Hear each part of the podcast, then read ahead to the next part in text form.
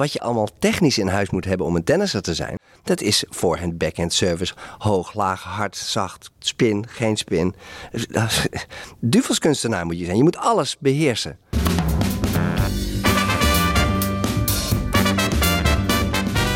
Hallo allemaal en welkom bij uh, een aflevering van de Dutch Touch, een NL Tennis podcast serie over de historie van de Nederlandse tennissport. Een ode aan die Nederlandse tennissers die daarin een prominente rol hebben gespeeld.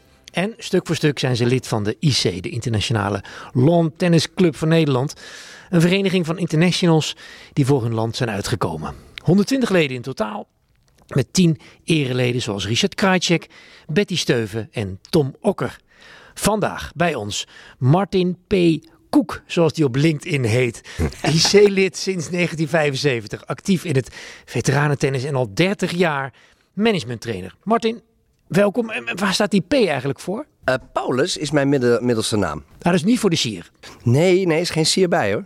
Nee, dat is een serieuze keuze. Heel goed. Nou, en met, met jou gaan we het graag hebben over de mentale ontwikkeling van tennistalenten en tennisprofs. Oftewel omgaan met jezelf op de tennisbaan.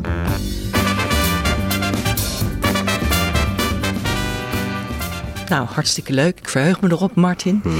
Maar eerst, zoals gebruikelijk, doen we altijd een, uh, een warming-up. Een klein beetje ritme opdoen, de bal voelen, mhm. hè, voordat het publiek uh, gaat zitten.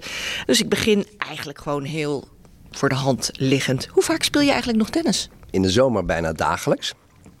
Um, ik speel ook nog uh, internationale toernooien voor de veteranen en zo. Dus ja, tennis is nog steeds, speelt een prominente rol. Ja hoor, liefhebber hoor echt. Het lichaam werkt nog goed mee. Dat geluk heb ik, dus uh, ja. Je ziet er fit uit in ieder geval. Zo, nou, yes. die nemen we mee. Heel Pak goed. die maar mee. Precies, nou ja, we zijn nu nog lief hè. Ja, ja, Dan door met de volgende. Hoe staat het eigenlijk met jouw bandega? Bandega?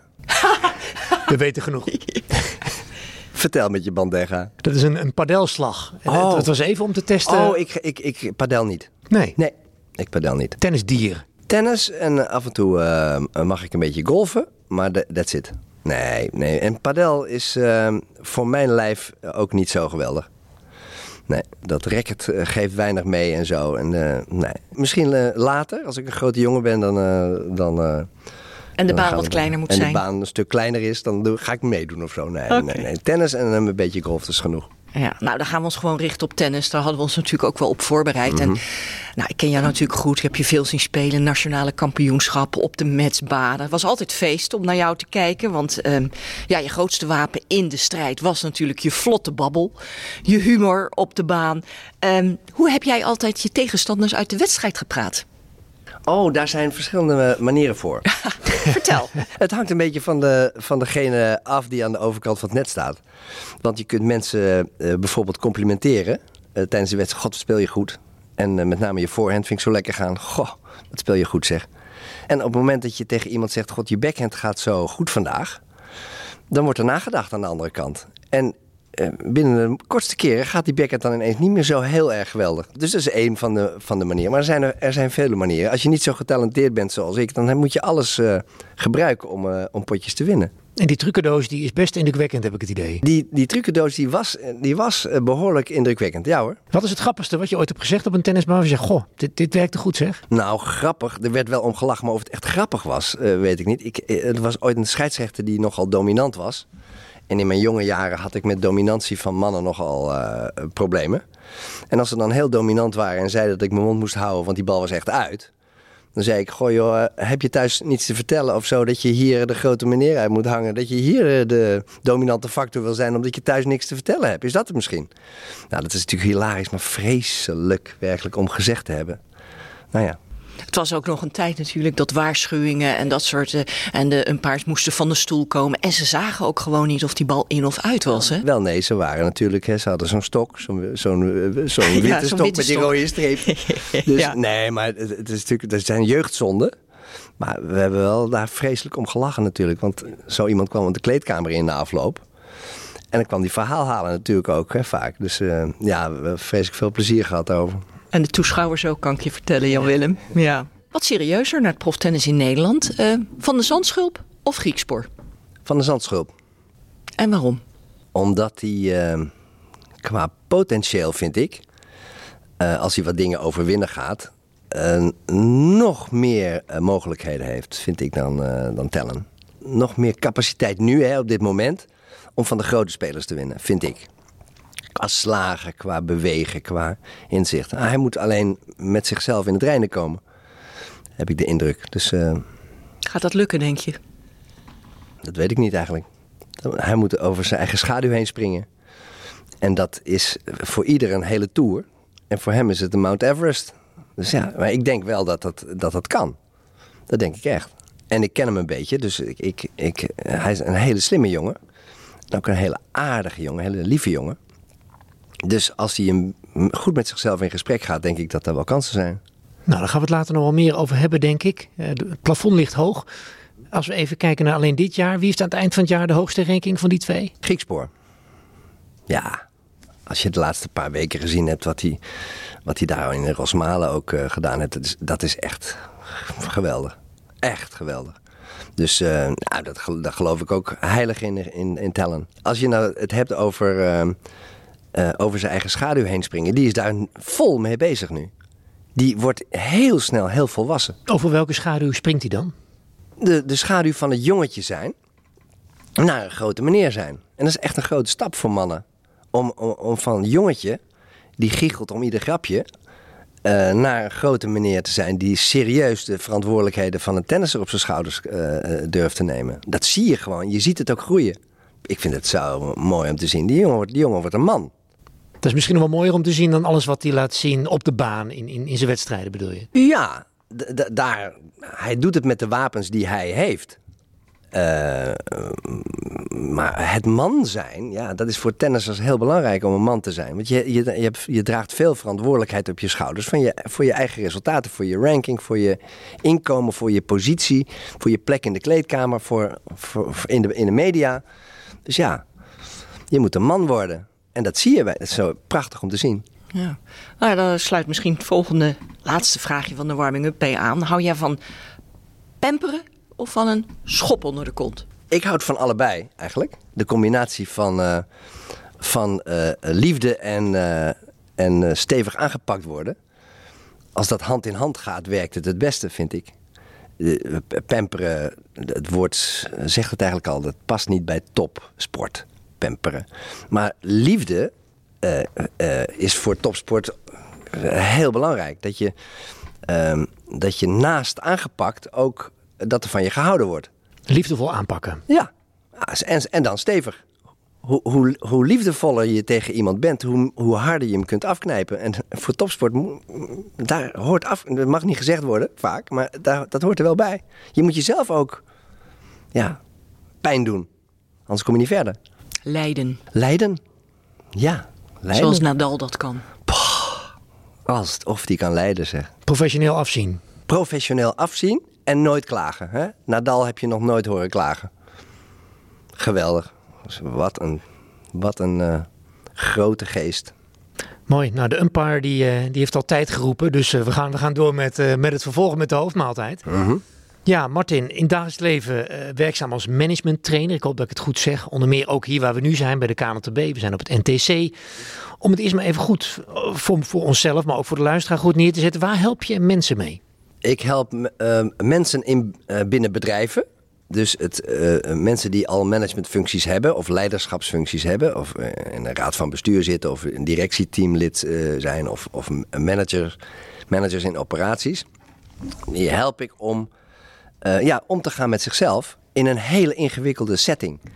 Als je, als je directeur bent van een bedrijf en je hebt een raad van bestuur boven je, dan heb je een baas boven je die jou afrekent op de resultaten. Dus dat kunnen hele harde gesprekken zijn. En dan word je op alles aangesproken. Eh, op de financiële resultaten van het bedrijf, op de manier waarop je met je mensen omgaat, de manier waarop de cultuur zich van het bedrijf ontwikkelt. Eh, en daar zul je mee om moeten gaan. En daarnaast moet je het ook nog effectief voor elkaar krijgen dat al die dingen in orde zijn. Nou, dat is, ja, je bent een duvelskunstenaar wanneer je op zo'n positie zit. Nou, en een tennisser, dat is gelijk de vergelijking, die is ook een duvelskunstenaar. Als je weet wat je allemaal technisch in huis moet hebben om een tennisser te zijn, dat is voorhand, backhand, service, hoog, laag, hard, zacht, spin, geen spin. Duvelskunstenaar moet je zijn. Je moet alles beheersen. Is het een van de moeilijkste sporten, denk je, tennis? Ik denk het wel, ja. Ja, ik denk het wel. Technisch gezien iets minder moeilijk uh, dan golf. Maar het is veel dynamischer. Je moet ook nog fysiek zo sterk zijn dat je het allemaal ook nog kunt belopen en behappen. En, dus het is fysiek en mentaal ja, een enorm zware sport. Ik vind het mooi, want je brengt het zelf weer terug op tennis. Hè? Ik stel natuurlijk ja. de vraag waar je mensen bij helpt. Ik vind het heel mooi dat we heel natuurlijk weer terugkomen bij, bij de sport waar we het hier natuurlijk graag over hebben. Um, je helpt ook mensen binnen het tennis, binnen de KNTB, zei ik al even. Een van die mensen is Jacco Elting. Mm -hmm. Veel mee te maken gehad. En Jacco heeft een persoonlijke boodschap voor je ingesproken. Kijk nou. Laten we er samen even naar luisteren. Mm -hmm. Hallo Martin. Hier een uh, berichtje van uh, Jacco Elting uit de straten van Krakau. Op het moment dat ik dit inspreek mag ik hier aanwezig zijn uh, voor werkzaamheden in Polen. Volgens mij ook een land waar je in de podcast nog iets leuks over kan vertellen. Want volgens mij heb jij daar ook nog een speciale band mee. Martin, ik vind het leuk om iets te mogen vertellen. Aangezien ik de afgelopen jaren natuurlijk veelvuldig contact met je heb gehad. Je enorme snelheid van denken en handelen om mensen in bepaalde situaties in te schatten. En uiteindelijk hun daarin met zelf aangedragen tips steeds de oplossing zien te vinden is ja, nagenoeg ongekend. En daarvoor steeds ben je van toegevoegde waarde voor uh, alle dingen die we doen. Ik wens je het allerbeste. Ik hoop dat we daar nog regelmatig gebruik van kunnen maken. En wat leuk dat je in de podcast bent bij Jan-Willem en bij Marcella. ze gaan je vast een heleboel leuke en interessante dingen vragen. Groetjes Jacco en tot gauw. Nou Martin. Uh, Leuk. Ja, net, net als jij. Is hij ook in, in een bad met uh, spraakwater geboren volgens ja, mij. Geweldig, ja, geweldig. Als, hij, als hij begint, zo'n gemak van praten heeft hij. Hè? Ja, ja. prachtig. Ja. ja. Wat, wat, wat, wat vind je van wat hij, wat hij zegt? We hadden het in het gesprek voordat de podcast begon over uh, diepgang. En met Jacco kun je heel makkelijk de diepte in. Daar zit diepgang. Dus die relatie is op die diepgang eigenlijk um, gebaseerd. Dus ja, ik vind het hartstikke leuk. Polen kwam er ook in voor. Ja. Kun je iets vertellen wat je met Polen hebt? Ja, ik speel al jaren competitie in Duitsland. Uh, en uh, daar heb ik in een, een van de teams een uh, tennisser ontmoet. Die later ook uh, die in de jaren 90, eind 90, captain was van het Davis Cup team van Polen. Wij zijn bevriend geraakt. we zijn zakelijk betrokken geraakt in Polen. Heel erg leuk. Uh, en die, die, die relatie heeft uh, iets van 25 jaar uh, nu geduurd. Hij is vorig jaar overleden. Maar de, de, de business in Polen is er nog steeds. En, en, dus dat is mijn link met Polen. Ik kom, ik kom er ieder jaar drie of vier keer. En, en als ik het mag zeggen, je bent 70 jaar. Ja. Nog steeds hartstikke actief. En dus ook in het buitenland nog actief als tennisser. Ja, dus, we spelen nog regelmatig. Ik speel met Rolf Tung in het, in het WK-team. Dus daar vertegenwoordigen wij Nederland in onze leeftijdsgroep. We zitten bij de beste vijf landen van, uh, van de wereld. Dus het is hartstikke leuk. Ja, je woont ook deels in Spanje. Ja. Dus het goede leven lacht jou toe. Mag ik het zo stellen? Nou ja, dat is de, dan, dan ben je uh, um, bevoorrecht als je, als je in, uh, in, in een goed klimaat kan, kan zijn. En, en kan tennissen en kan golfen. En ja, is, ik, ik, ik ben zeer bevoorrecht. Voel ik Laten mij. we nog even teruggaan. Hè. We hadden net Jacco Elting, maar je hebt natuurlijk ook Mark Koevermans, Jan Siemerink hm. begeleid. Mm -hmm. uh, kun je zeggen, dat vroegen wij ons af van tevoren, of er een uh, gemeenschappelijke deler is voor het begeleiden van oud-topsporters, oud-toptennissers mm. na hun carrière? Komen ze in een zwart gat? Ze gaan maatschappelijk of zakelijk gaan ze verder? Um, is daar een gemeenschappelijke deler? Nou, vind ik een interessante vraag. Dat is, dat is er volgens mij wel. Uh, uh, uh, alle drie de namen zijn tennissers natuurlijk. En tennissers zijn per definitie solisten. Want je moet op die baan, dat hoef ik Marcella al helemaal niet te vertellen... moet je toch allemaal zelf oplossen. Je kunt een coach hebben die nog wat helpt. Maar jij moet het daar zelf oplossen. Je bent echt op jezelf aangewezen. En die, die strijd doe jij in je eentje. Met wat hulp van buiten. Maar de rest ligt allemaal op jouw schouders. Dat, dat vergt een bepaalde mentaliteit. Maar het ontwikkelt ook in jouw leven een bepaalde mentaliteit. En dat is de gemeenschappelijke uh, noemer. Want als je in een organisatie gaat werken ineens, dan heb je met heel veel andere mensen te maken waarmee je het samen moet doen. En dat is soms moeilijk. Nou ja, dat is niet makkelijk. Het is sowieso al moeilijk. Maar als jij een solist bent en je moet het dan samen, terwijl je het in je eentje lang opgelost zou hebben, dat gevoel heb je, dan, dan, dan vergt dat uh, meer van jou nog. En dat moet je leren. En als je daar een beetje een, een, een zetje in de rug voor kunt krijgen, dan, uh, dan is dat zinnig. Maar, ook, eh, eh, maar, maar, maar daarom ook vergelijkbaar. En als je het concreet kunt maken, eh, wat, wat is dan datgene wat je, wat je meegeeft, waar je probeert bij te helpen? Het is natuurlijk een hele brede vraag. Ja, het is een brede vraag met een heel breed antwoord. Want het, het is voor, voor iedere solist heeft weer een verschillend karakter, persoonlijkheid en, en, en, en gedrag. Vertoont ook verschillend gedrag. Eh, iemand als Jan Siemerink is onvergelijkbaar met Jacco Elting. Qua Zeker. personality. Dus je loopt als solist, want dat zijn ze wel weer eh, allebei. eh, dus tegen verschillende dingen aan in jezelf ook. Dus het is, het is heel eh, individueel. Maar waar, waar help je mensen mee? Hoe bijvoorbeeld te luisteren naar een ander. Voordat je je eigen mening geeft. Ga je nou eerst, je gaat een gesprek in, ga je nou eerst luisteren? Ga je nou eerst zeggen, joh, wat vind jij ervan? Of ga je gelijk vertellen wat jij ervan vindt? Dat zijn hele belangrijke keuzes in ieder gesprek. Ga je beginnen met een vraag of ga je beginnen met een statement? Bereid je je voor door wat je gaat zeggen? Of bereid je je voor op wat je gaat vragen? Dat kleurt de hele omgeving die je voor jezelf creëert. Dus dat soort dingen, daar, daar help ik mee. Hoe leid je een vergadering? Begin je met, eh, met kritiek op iedereen? Of zeg je gewoon, ik wil eerst kijken naar de sterke punten van iedereen. Om eens te kijken wat we daarna kunnen beslissen om dingen beter te maken. Het zijn, het zijn, het zijn die dingen in de, in de, in de instelling van jouzelf en, de, en je communicatie, je gedrag, waarmee ik help. Waarom eh, is dit iets wat jij zo graag doet? Shitje. Ja, omdat het, omdat het mij in ieder geval intrigeert wat er onder de oppervlakte zit. Eh, en, en niet zozeer alleen maar aan de oppervlakte, want dat kan iedereen zien. Wat er aan de oppervlakte ligt. Maar wat daaronder zit is veel en is natuurlijk interessanter. En dat is ook het leuke weer, weer terugkomend op tennis. Als je naar tennis zit te kijken, zie je ballen heen en weer gaan. Maar als je, als je weet wat daar allemaal onder zit, om die rallies allemaal zo te kunnen spelen, hoe dat, hoe dat jou als persoon raakt, eh, om al die facetten van dat spel zo eh, eh, zelf te coördineren, dat die bal heen en weer blijft gaan. Wa- wat jij voelt bij, bij, bij tegenstand, bij, bij, bij weerstand, of wat jij voelt bij achterstand of dik voorstaan. Hoe je daar dan mee omgaat, dat is natuurlijk veel interessanter dan het balletje heen en weer slaan. Heb je ook veel van jezelf geleerd? Eh, niet alleen op de tennisbaan, maar je bent volgens mij ook best wel lang zoekende geweest naar een vak, een beroep, een professie, een passie waar je uiteindelijk heel succesvol mee bent eh, dat, dat geworden. Is waar. Dat is waar. De, de trainer leert het meest. ja. Ja, dat is een adagium. Dat, dat, dat, dat heb ik ooit in Zwitserland eh, opgedaan. Jongens, we werden zo... Daar, ik, ik heb een opleiding daar gedaan. We werden zo hard Opleiding getraind. tot management trainer. Ja, ja, en dat was zo zwaar. En dan zei ze, jongens, hou, hou, je, hou jezelf steeds voor. De trainer leert het meest. Je, je leert al die mensen een heleboel dingen, maar terwijl je ze leert, leer je het meest. En dat is ook echt zo. Dat is ook echt zo. De trainer leert het meest. Dus het is zoeken naar jezelf. En zoeken naar datgene wat jou intrigeert, maar ook zoeken naar je eigen ontwikkeling. En, en ik hoef jou niet te, ik hoef jullie niet te vertellen, als jullie jezelf ontwikkelen, dan ben je happy. Als je voelt, ik word beter, dan word je happy. Dus het is een happy maker ook, ontwikkeling. Heb je jezelf al gevonden? Eh, in welke zin? Nou, je bent op zoek naar jezelf. Je leert zelf het meest. Oh ja, heb ik mezelf leren kennen? Ja. Oh yes, oh ja. Heb, heb je het boek al uit, moet ik eigenlijk zeggen? Nee, nee, nee ik, heb het ook nog niet, ik ben het ook nog niet voor de tweede keer aan het lezen.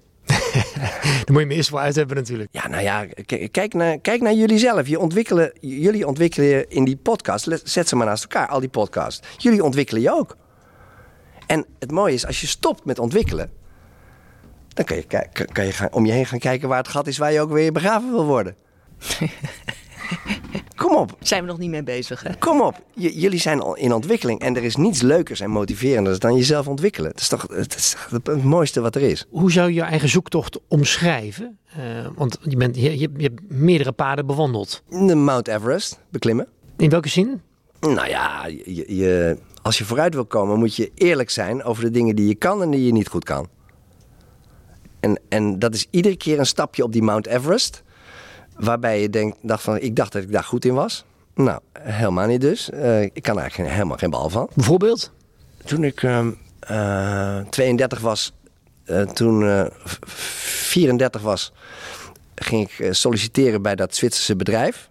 En daar leerde ik hoe je een verkoopgesprek moest inrichten. Ik was voor Dunlop, voor Dunlop in, bij All Weather Sports in Zoetermeer aan het werk. En doordat dat merk zo sterk was, kon ik heel goed verkopen. En ik had niet in de gaten, in mijn beperktheid, dat het door dat merk kwam dat ik aan iedereen kon verkopen. Jij dacht, ik ben ik dacht, het dat heertje. het ligt aan mij, dacht ik. ik had echt de, indruk dat het aan mij lag. Toen kwam ik voor het Zwitserse bedrijf aan het werken. En toen, niemand kende dat bedrijf in Nederland. Dus aanbellen of met een directeur spreken. Wie? Welk bedrijf? Sorry. Toen leerde ik pas wat echt commercieel zijn is. Echt, jezelf op de kaart zetten en jezelf verkopen zonder dat iemand je kent. Dus dat, dat is één voorbeeld van een complete misvatting. Dat ik het idee had dat ik iets kon. Terwijl ik helemaal eigenlijk niks kon. Maakte je nederig. Bijzonder. Bijzonder. Net als iedere eh, tennisser die, eh, die nederig wordt van het slapen in de kleedkamer... omdat je geen geld hebt om in een hotel te, te kunnen slapen. En dan ga je maar in de kleedkamer slapen. Heel veel van de top 500 spelers, die doen dat. Die slapen ergens in een kleedkamer of in een hok. Of, eh, ja, ik heb geen geld. Die douchen na het, na het tennissen met hun tenniskleding aan... zodat die tenniskleding gelijk gewassen wordt. Scheelt weer. Dat scheelt weer, dan hoef je niet naar de wasseretten en zo. Dit, dit- daar word je nederig van. Dat helpt. Mooi.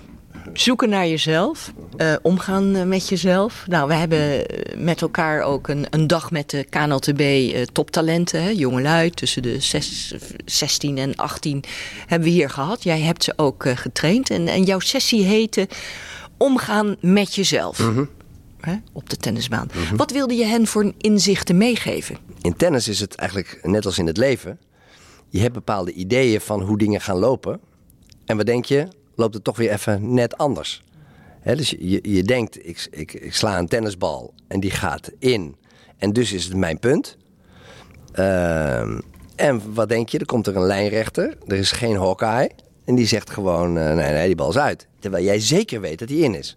Dit is een belangrijk punt. Hoe ga je nou om met die situatie? En hoe ga je om met jezelf? Hoe corrigeer je jezelf? En blijf je niet lang negatief, zodat je ook het volgende punt, wat alweer 20 seconden later gaat beginnen, eh, eh, eh, niet gelijk ook weer slecht speelt. Dus hoe, hoe, ga je, hoe ga je om met jezelf zonder dat je in de knoop raakt met jezelf wanneer dingen tegenzitten? En in tenniswedstrijden zitten dingen vrijwel altijd af en toe tegen. Er is geen wedstrijd waar je speelt waarbij je denkt, nou, dit is allemaal perfect gelopen zeg. Precies zoals ik wilde. Dat gaat niet zo.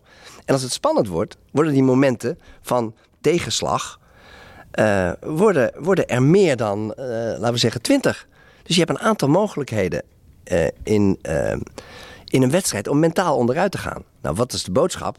Te zorgen dat jij in die 20 seconden die je hebt van het ene naar het andere punt, je eigen mindset weer eh, zo draait dat je klaar bent voor het volgende punt. Dat lijkt allemaal makkelijk en als je het zo vertelt, nou ja, ja wie weet dat niet? Hè? Zo eenvoudig. Maar het doen. Dus wat wilde ik ze meegeven? Een manier om te herkennen: hé, hey, ik blijf hier nu negatief. Ik moet die stap maken naar het volgende punt. Dat moet je als tennisser in 20 seconden doen. Een manager die aangepakt wordt op zijn gedrag of op zijn cijfers of zo. eh, die heeft soms twee weken de tijd om weer te recupereren voor de volgende meeting. Twee, we- een tennisser heeft 20 seconden. That's it. En dat wordt niet minder en dat wordt niet meer. That's it. En krijg het voor elkaar. Krijg je niet voor elkaar, ja, dan lever je eh, waardevolle punten in. Dus dat is de boodschap. Dat is, de, dat is eigenlijk de mentale kant eh, concreet gemaakt, zodat ze het kunnen hanteren. Is dat voor iedereen weggelegd? Nee, nee, dat is niet weggelegd voor iedereen. Je kunt het wel leren. Daar ben ik zelf het, het levende voorbeeld van. Je kunt leren om met zware kritiek om te gaan. Als je, als je jezelf daarop traint, maar dan moet er op getraind worden. Ja. Ik weet dat er trainers, tennistrainers in de wereld zijn. In Spanje heb je die zeker. Die laten spelers wedstrijden spelen. En dan zijn zij als trainer zijn ze scheidsrechter. En dan spreken we van, de, van tevoren, speelt, spreekt hij met ze af. Dat ik tel. En als ik een fout maak in je nadeel, is pech voor jou. Dan gaan we het volgende punt spelen. En dan laat hij ze spelen tot 4-4 in de eerste set. En dan roept hij ineens uit. Terwijl die bal gewoon 10 centimeter in is. En is einde rally, volgende punt. Ja, maar. Dan gaan we beginnen. Ja, maar, zegt hij. Ha, niks. Volgende punt. Hup, spelen. Spelen. Zodat, zo, hij, hij speelt dus bewust het spel van eh, slechte calls in jouw nadeel. En cope with it. Ga er maar mee om. Om ze te leren dat je door moet. Ik dacht dat Jamar echt iets Nederlands was. Yes, but. Ja? Nee, in Engels is het ook zo. Ja, Ja? aber. Ja, ja, zeker. Nee, in alle Ja, talen. je liet, je liet de, de jongelui, de, de, de talenten ook Mhm. op het eind iets opschrijven op een kaartje. Wat ze de volgende dag in de praktijk moesten brengen. Ja. Wat ze de volgende dag Ja. eh, moest, hè, ze moesten dat opschrijven. En dat had Ja. ook met ja maar te maken. Die, die vraag, ze hadden allemaal een naamkaart. En op die vraag staat: welke beslissing neem ik nu om morgen nog doeltreffender te zijn? Met andere woorden, neem nu een beslissing waardoor ik morgen beter ben dan vandaag. En heel veel van hen schreven op: niet ja maar, eh, maar ja en. maar ja en. Dus eh, dat was het residu van die, van die training eigenlijk. Dat is bij ze blijven hangen. Dat laat ik ze dan opschrijven. En wat, wat je leert, wat je nog een keer leert en wat je daarna opschrijft, dat beklijft meestal. Ja, dus van negatief naar positief. Precies, dat is het In eigenlijk. de mindset. In, in, in 20 seconden. Hoe, hoe kan het dat dit zo ingewikkeld is om onder de knie te krijgen? Wel, Dat het belangrijk is, dat, dat snap ik ook. Eh, Hoe verklaar je dat dit zoiets is waar, waar je zo pittig mee om kunt gaan? Nou, dit is een vraag naar de diepgang. In de, in de diepgang. Wij mensen hebben, ehm, en dat is mijn, in ieder geval mijn opvatting. eh, eh, wij mensen hebben overlevingsdriften. Wij willen overleven. Dus als we ergens binnenkomen, is het eerste waar we naar kijken: oh jee, is hier gevaar? Dat doen we niet bewust, maar dat doen we onbewust. En wij willen ons dus ook verdedigen. En als er, iets, als er een verandering plaatsvindt die wij, niet, eh, die wij niet prettig vinden of niet begrijpen, dan komt die overlevingsdrift in ons. Dat is emotie. We worden ook boos. Iemand kolt een bal uit die in is, dan worden we boos. Dat is onrechtvaardig. Die bal was duidelijk in. Uit. Ja, was duidelijk. Ik heb het toch gezien. Was duidelijk in. Hoe kan het nou? Dat die emotie zorgt ervoor dat we, dat we die stap naar positief niet kunnen maken. We blijven hangen in. "Pff, Het is onrecht. Alleen onrecht is niet relevant. Je hebt 20 seconden. Dus jij kan wel emotioneel worden, maar het is niet relevant of je emotioneel. Het volgende punt komt eraan. Ja, maar. Nee. Door. Ja, maar. Nee, door. Nou, het is die emotie die ervoor zorgt dat je in ja, maar blijft hangen. Dus overlevingsdrift, het zit in ons. Ja. Nou, en als je dat herkennen gaat en daarom gaat lachen. Oh, dan ben ik weer met mijn overlevingsdrift. Wie is er in levensgevaar? Geen hond. Het relativeren ook. Ja, dus je, je leert dan, en dat is heel erg zit, dan word je met jezelf geconfronteerd. Kan ik mij wel aanpassen aan iets wat gebeurt wat ik niet verwacht had? Die ontspanning toelaten. Soms zie je ook spelers glimlachen of ineens een lach. Waardoor ineens de losheid en de bevrijding komt in Ja. de slagen. Ja. ja, je kent dat toch. Je weet het zelf ook. Op het moment dat jij loskomt van die emotie, dan is het klaar, dan kan je ook weer door. Daarom vond ik zo mooi wat Federer ooit zei over... Hij kreeg kritiek van zijn vrouw op de opvoeding van de kinderen. Toen zegt hij, heeft hij uitgelegd. Hij zegt, weet je, op de tennisbaan leer je om dingen te laten. Gebeurt iets wat verkeerd is, laat het nou. Want je moet door. Laat het nou. Als de kinderen thuis iets verkeerd doen, dan heeft hij de neiging om te zeggen: laat nou maar. Nee, zegt zijn vrouw. Niks laten. Je moet ze opvoeden. Ze moeten het horen. Je moet nee zeggen. Nee zeggen. Hij is van: laat nou maar. Laat nou maar. Maar laat nou maar is voor de opvoeding, zegt hij, helemaal verkeerd. Dus ik heb mezelf geprogrammeerd om laat nou maar te zeggen. Maar bij de kinderen is dat fout. Dus krijgt hij kritiek. Daar worstel ik mee, zei hij. Dus een illustratie van hoe hij omgaat met dingen die onverwacht en negatief zijn. Laat nou maar. Ga ik door naar het volgende punt. Toevallig zat ik vanochtend een video van hem te kijken waarin hij ook vertelde hij heeft geleerd om zichzelf te vertrouwen en dat dat hem mentaal sterk heeft gemaakt. Ja. Hoe vind je die? Ja, geweldig. Want eh, jezelf vertrouwen betekent ik, wat er ook gebeurt, ik kom er toch wel uit. Met andere woorden, kom maar twee ballen achter elkaar uit die bal. Die, ik, ik, kom er, ik, ik vertrouw namelijk op mezelf. Zo erg is het niet dat ik nu een punt verlies. Want ik vertrouw er zo op dat ik het in orde breng.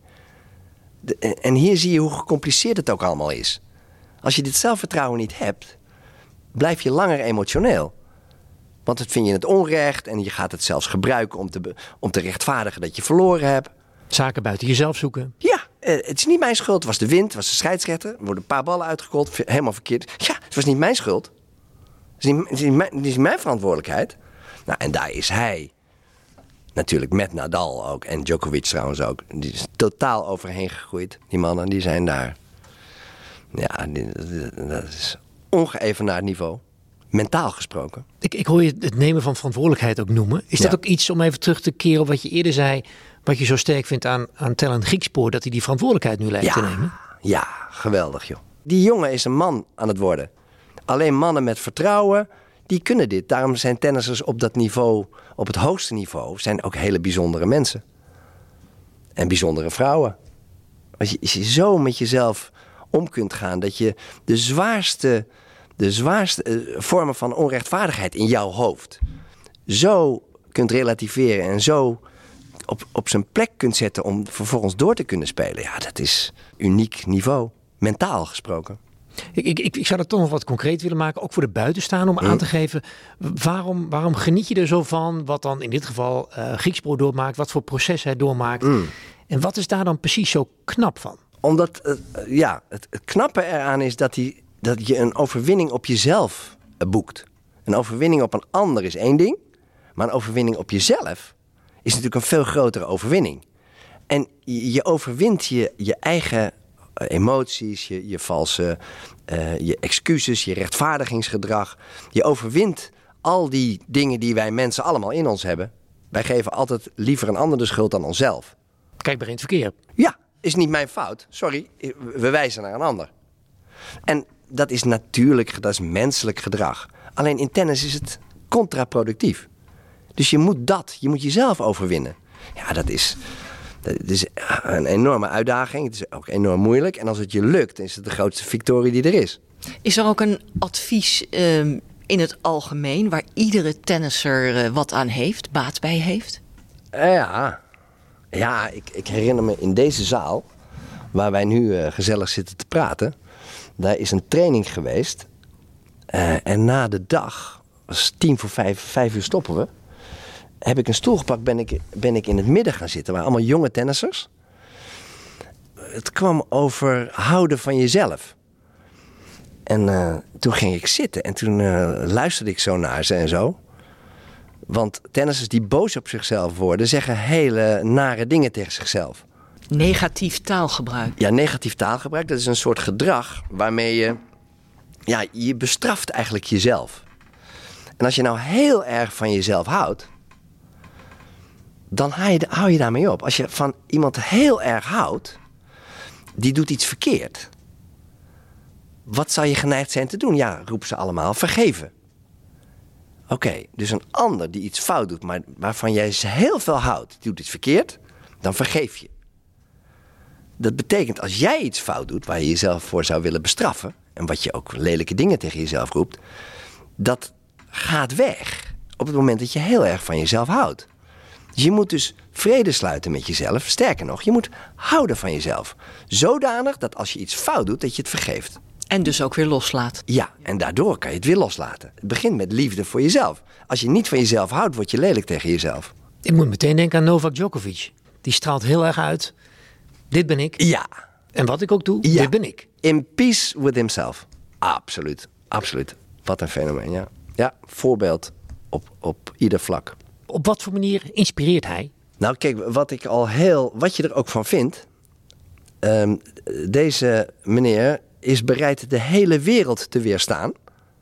En te zeggen: Ik neem geen vaccinatie. Of je dat nou goed vindt, slecht vindt, of je het veroordelen wilt, of wat je er ook van wilt zeggen. Hij weerstaat gewoon de druk, de druk van de hele wereld. Dat is heel knap. Dat is ongelooflijk. Hoe eenzaam word je wanneer de hele wereld zegt: je komt er bij ons niet meer in. Verenigde Staten niet meer. Australië Open kon niet. Dus Australië kwam er niet meer binnen. US Open niet. Niks. Hij kon, hij kon de grote toernooien zelfs niet meer spelen, omdat hij er niet meer in kwam. Hoe eenzaam word je wanneer ook Nadal zelf zegt: ja, dat is onverantwoordelijk wat die vent doet. Dus iedereen keert zich tegen jou. En vervolgens, de wereld opent zich weer. Je gaat weer spelen. Je wint weer bijna van iedereen. Ja, wat, wat, een, wat, een, wat een power die man heeft.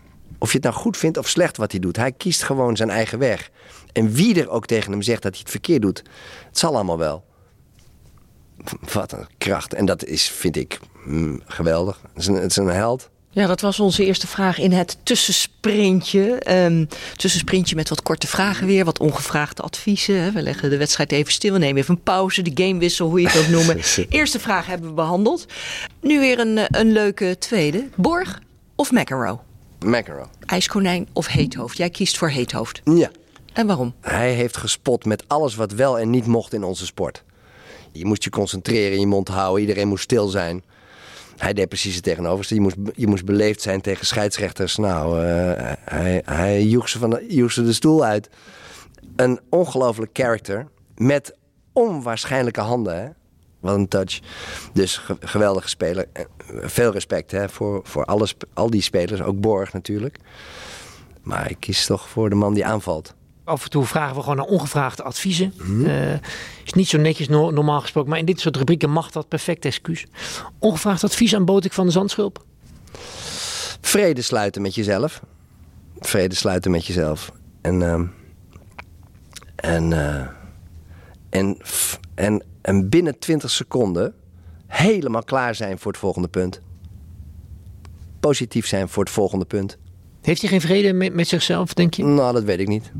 Maar als ik naar zijn, als ik naar zijn gedrag kijk, in die 20 seconden waar we het zo net over hadden, dan is hij eerst aan het struggelen in die 20 seconden. En dan houdt hij geen tijd over om klaar te zijn voor het volgende punt. Er is te, het duurt te lang voordat hij klaar is voor het volgende punt. En het is ook een hele slimme jongen, dus hij denkt veel te veel, in mijn ogen. Dus houden van jezelf en vergeef jezelf, joh. Kom op, man.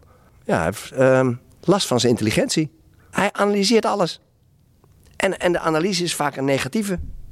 Dit doe ik niet goed, dat doe ik niet goed. Ja, moet je kijken hoe ik erbij sta. 20 seconden zijn al om. Volgende punt is er alweer. Ja, want je hebt, uh, je hebt tennisintelligentie. Hè? Bijvoorbeeld de Marat Safin. Nou, dat was echt niet uh, de academicus. Nee.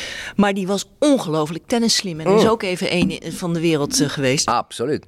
En je hebt echt slim, ja. academisch slim, ja. wiskundig slim, analytisch slim. Analytisch slim. En, en ja, dat, dat, dat zit je vaker dus in de weg. Absoluut. En, en, en hij heeft last van zijn intelligentie. Hij, hij analyseert uh, voortdurend, terwijl dat niet nuttig is. Is niet nuttig, helpt jou niet, die analyse. Het is veel simpeler. Accepteren en doorfietsen. Die mentale vaardigheid. Um, ja, we hadden het al, dat kun je eigenlijk best leren met oefeningen. Ja. Um, volgens mij praat hij ook best wel met iemand op de achtergrond. Maar ja, dat is altijd, wil je dat wel, wil je dat niet? Zal hij zich daaraan over moeten geven om vooruitgang te boeken? Hij zal een analyse moeten maken dat hij niet meer moet analyseren. het opmerkelijke vind ik zelf, het is een hele complexe sport. Uh -huh. Maar je moet het wel simpel houden. Graag, want het is al, het is al ingewikkeld genoeg. Ja. Als je het nog ingewikkelder gaat maken, dan word je gek. Ja. En daar heeft, je kunt zien dat hij worstelt. En uiteindelijk, op het moment dat je, dat je van jezelf houdt en jezelf vergeeft, is die analyse ook niet meer relevant. Het is die analyse, ja, hartstikke leuk. Maar analyseren doe je altijd na afloop. Vervelend is het, 20 seconden daarna is de toekomst weer aan de, aan de beurt. Is het nu weer in, aan de orde. We hebben nog een, een, een blokje tips en tricks. Mm -hmm. Omgaan met druk. Je bent eerste geplaatst, er wordt verwacht dat je wint. Um, heb je daar nog tips en tricks voor hoe je daar het beste mee kunt omgaan? Mm -hmm. Uiteindelijk komt het allemaal neer om een, uh, een analyse te maken van jouw eigen perceptie. Jouw perceptie heeft een directe relatie met je gedrag de manier waarop jij dingen ziet, zo gedraag je je ook. Als er hier straks iemand binnenkomt die jullie allebei vervelend iemand vinden, dan zie ik aan jullie gezicht, oh jee. Dus de perceptie van jou, van die persoon, laat zien in je gedrag hoe je het ziet. Nou, en als je, als je, als je die relatie uh, snapt en je gaat kijken naar hoe zie ik dingen eigenlijk en waardoor komt het dat ik ze op een bepaalde manier zie, als jij, um, als jij als kind altijd van je moeder een, een klap gekregen hebt als je iets verkeerd deed. en je doet later in je leven iets verkeerd. Dan is jouw perceptie er een van: oh jee, nou, hier gaat een straf op volgen. Dat kan haast niet anders. Zo heb je het geleerd. Pas op het moment dat jij gaat zien dat dat in jouw manier van kijken, in jouw perceptie, een hoofdrol speelt en je gaat dat analyseren en je neemt daar afscheid van bewust, dan kan je er vanaf komen. Van die angst om te falen, om, om iets verkeerd te doen. Dus je eigen manier van kijken, analyseren, is eigenlijk het antwoord. Jezelf je, en je eigen manier van kijken doorgronden zorgt ervoor dat je op een helderder manier kan gaan kijken. Dus dat geldt voor omgaan met druk, maar dat geldt dus ook voor faalangst, want dat benoem je ook. Ja, als je ziet, als je weet waar je faalangst vandaan komt, kun je het, kun je het ook met anderen bespreken. En kun je zeggen, joh, volgens mij komt het door dat en dat en dat. Want ik, ik voel gewoon druk opkomen. Terwijl die druk eigenlijk helemaal niet reëel is. Ik, ik word mijn leven wordt niet bedreigd, maar ik voel het wel zo. Nou, en op dat moment, als je met jezelf op die manier in gesprek gaat, dan vind je de oplossing. Als je het gaat doorgronden, snap je ook van hé, hey, hey, hier gaat vast druk komen. Even kijken of ik het al voel. Ja, ik voel het opkomen. Geen probleem. Ik ben niet in doodsnood. Gewoon lekker spelen. Dan kun je het plaatsen. Het is mooi de, de pretoogje waarmee je het zegt. Terwijl ik zelf alleen maar kan denken aan de stress die de speler voelt. Dat is natuurlijk een groot contrast. Ja, nou ja, eh, het is namelijk een oplossing. En het is niet zo makkelijk om dit soort oplossingen te vinden voor dingen die eigenlijk bijna theoretisch lijken. Ik bedoel, als ik het zo vertel, dan is het, het is theorie. Ja, het hoogst haalbare is dat het zo gaat, maar je moet daar proberen vooral naar te streven waarschijnlijk. Ja, en je, nou ja, en je moet, uh, ja, je moet ook eerlijk zijn tegen jezelf. Je moet ook durven zeggen, ik ben gewoon bang. En waar komt die angst aan vandaan? Dan ga je de antwoorden vinden. Maar op het moment dat je zegt, ik ben niet bang, dan ga je de antwoorden ook nooit vinden. Nee, de, de angst herkennen en hem omarmen zoals het dan vaak is. Ja, dat is eigenlijk wat, het, wat ermee bedoeld wordt met omarmen. Hé, hey, ik ben bang. Ja, welke kerel, we hadden het net over mannelijkheid. Welke kerel gaat zeggen, ja, ik ben bang? Niemand. Geen man gaat in de kleedkamer waar zijn vrienden bij zijn ja, ik ben bang. Echt niet. Gaat hij niet doen. Dat moet je met jezelf en met je eigen coach doen. Ik voel angst. Welke angst is dat? Want ik ben niet in doodsnood. Maar ik voel wel doodsangst. Wat is er aan de hand? praten, analyseren, nog een keer over praten, herkennen. En ermee gaan dealen. Ik moet uh, meteen denken aan uh, Billie Jean King. Hmm. Uh, met haar mantra Pressure is a privilege. Mm. Staat groot bij de entree van het centercourt van de US Open. Wow. Ik heb haar meegemaakt ooit. Ze was toen 40, eigenlijk uh, na haar carrière. Ze besloot nog een paar toernooitjes te spelen. Sydney, Australia. We zaten in de kleedkamer. Uh, er was, ik weet niet meer wie daar speelde, maar ja, een, een, topper. Chris Evert speelde daar tegen de subtopper. En de subtopper die stond daar te winnen. Maar het bekende choke moment kwam. Hè, en wij ja, toch allemaal een beetje gniffelen in de kleed. Ja, oh ja, nou, ze gaat het toch niet redden dit en dat. Toen stond Billie Jean King in de kleedkamer op. En toen sprak ze dus, voor mij voor het eerst, die legendarische woorden uit van... Ik begrijp niet dat iedereen altijd maar op dit soort momenten bang wordt. He, want pressure is a privilege. Onthoud dat allemaal. Dus ze, ze, het was een soort les voor alle speelsters in de kleedkamer... die ineens muisstil werden. Want wauw, de grote Billie Jean King zei dit en daar luisterden we dan naar.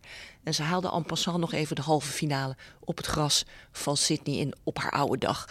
Uh, daar heb ik haar voor eerst uh, die legendarische woorden horen uitspreken. Fantastisch. Dit is zoals zij het ziet. Pressure is a privilege. Zo ziet ze het. En doordat ze het zo ziet, heeft ze er ook geen last van. Ze kijkt ernaar eigenlijk. Oh, wat fijn dat er weer pressure is. Daar is hij weer. Ja. Ik ga nu mijn E slaan. Ja, dat kan haast niet anders, want het is zo fijn. Nou, en dat is je perceptie aanpassen. Dat is pas zeggen in plaats van ja maar, ja en. Ja, pressure. Ah, heerlijk. Nu ga ik spelen. Wanneer heb je zelf voor het laatst gechoked eigenlijk? Ja, goede vraag. Uh, het, uh, echt gechoked? Uh, ik was 27. Ik was 27. En na dat choke moment heb ik met een Nederlandse uh, tennisvriend, ook uh, laten we zeggen destijds top 20, hebben wij gezegd: wij gaan een therapie doen. Wij zijn in therapie gegaan. Hij zegt: ik ga met je mee. Ik zeg: ik heb een probleem. Hij zegt: ja, dat heb ik gezien. Ik zeg: het is echt een probleem. Mijn hele lijf functioneert niet meer. Therapie gedaan. Twee weken lang, iedere ochtend twee uur. Geweldig. Ik zou hem iedereen aanbevelen, die therapie. En toen hebben we dingen in mijn perceptie gevonden die heel traumatisch waren. En daarna niet meer gechoked. 43 jaar geleden? Ja, niet meer gechoked. Ja, dat is vreselijk hoor. 6-2, 6-3, 5-2, 40-0. In de laatste 16 van de nationale. En toen wist je, hier moet iets gebeuren, want hier zit iets helemaal niet goed. 6-1 vijfde verloor ik. 6-1 vijfde. Kansloos verloren. Kansloos verloren. En dat was, op dat moment moest er iets gebeuren. En dat is ook uh, gebeurd. Dat is interessant. Hoe diep moest je, moest je vervolgens in die therapie duiken om, om Ah, dit, het huilen. boven te krijgen? Huilen. Huilen. Die, diepe emotie. Daar moest pijn uit. Ja, diepe emotie. Een levensles. En de pijn is weggebleven. Hè? De pijn is weggebleven. weggebleven, want ik heb begrepen waar, waar dat ook zat. En het komt uit, uit diep. Ieder mens heeft dat, ben ik van overtuigd.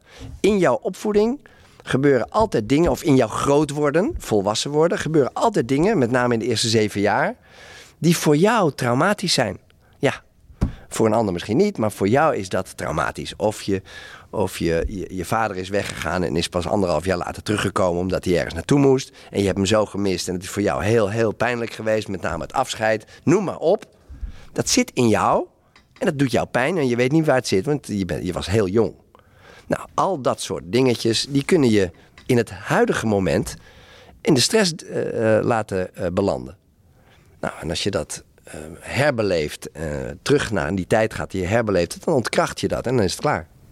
En iemand die hier naar luistert, die hoort jou zeggen, kan het iedereen aanraden? Want dat Ja. zei je net. Ja. Is het een speciale therapie? Het is een speciale therapie. Dan zetten we het even in de show notes. welke naam ik niet ga noemen. Toch nog één vraagje, eh, als het gaat om, om de, de mentale hulp. Is, is er nog een tennisser of tennister die jij ziet spelen, waarbij jouw handen gaan jeuken?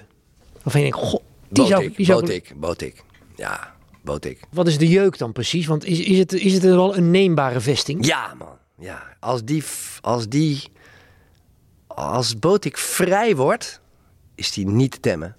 Hij is niet te temmen. Eh, Een groot lijf, hè? Heb je gezien hoe snel die- Natuurlijke kracht. kracht, wat een, wat een power. Hij is zo ongelooflijk goed. Hij heeft, de, de, de, de potentie is daar. Merci Martin. Mooie filosofie. Luisteraars, bedankt voor het luisteren. Op jullie beurt uiteraard ook.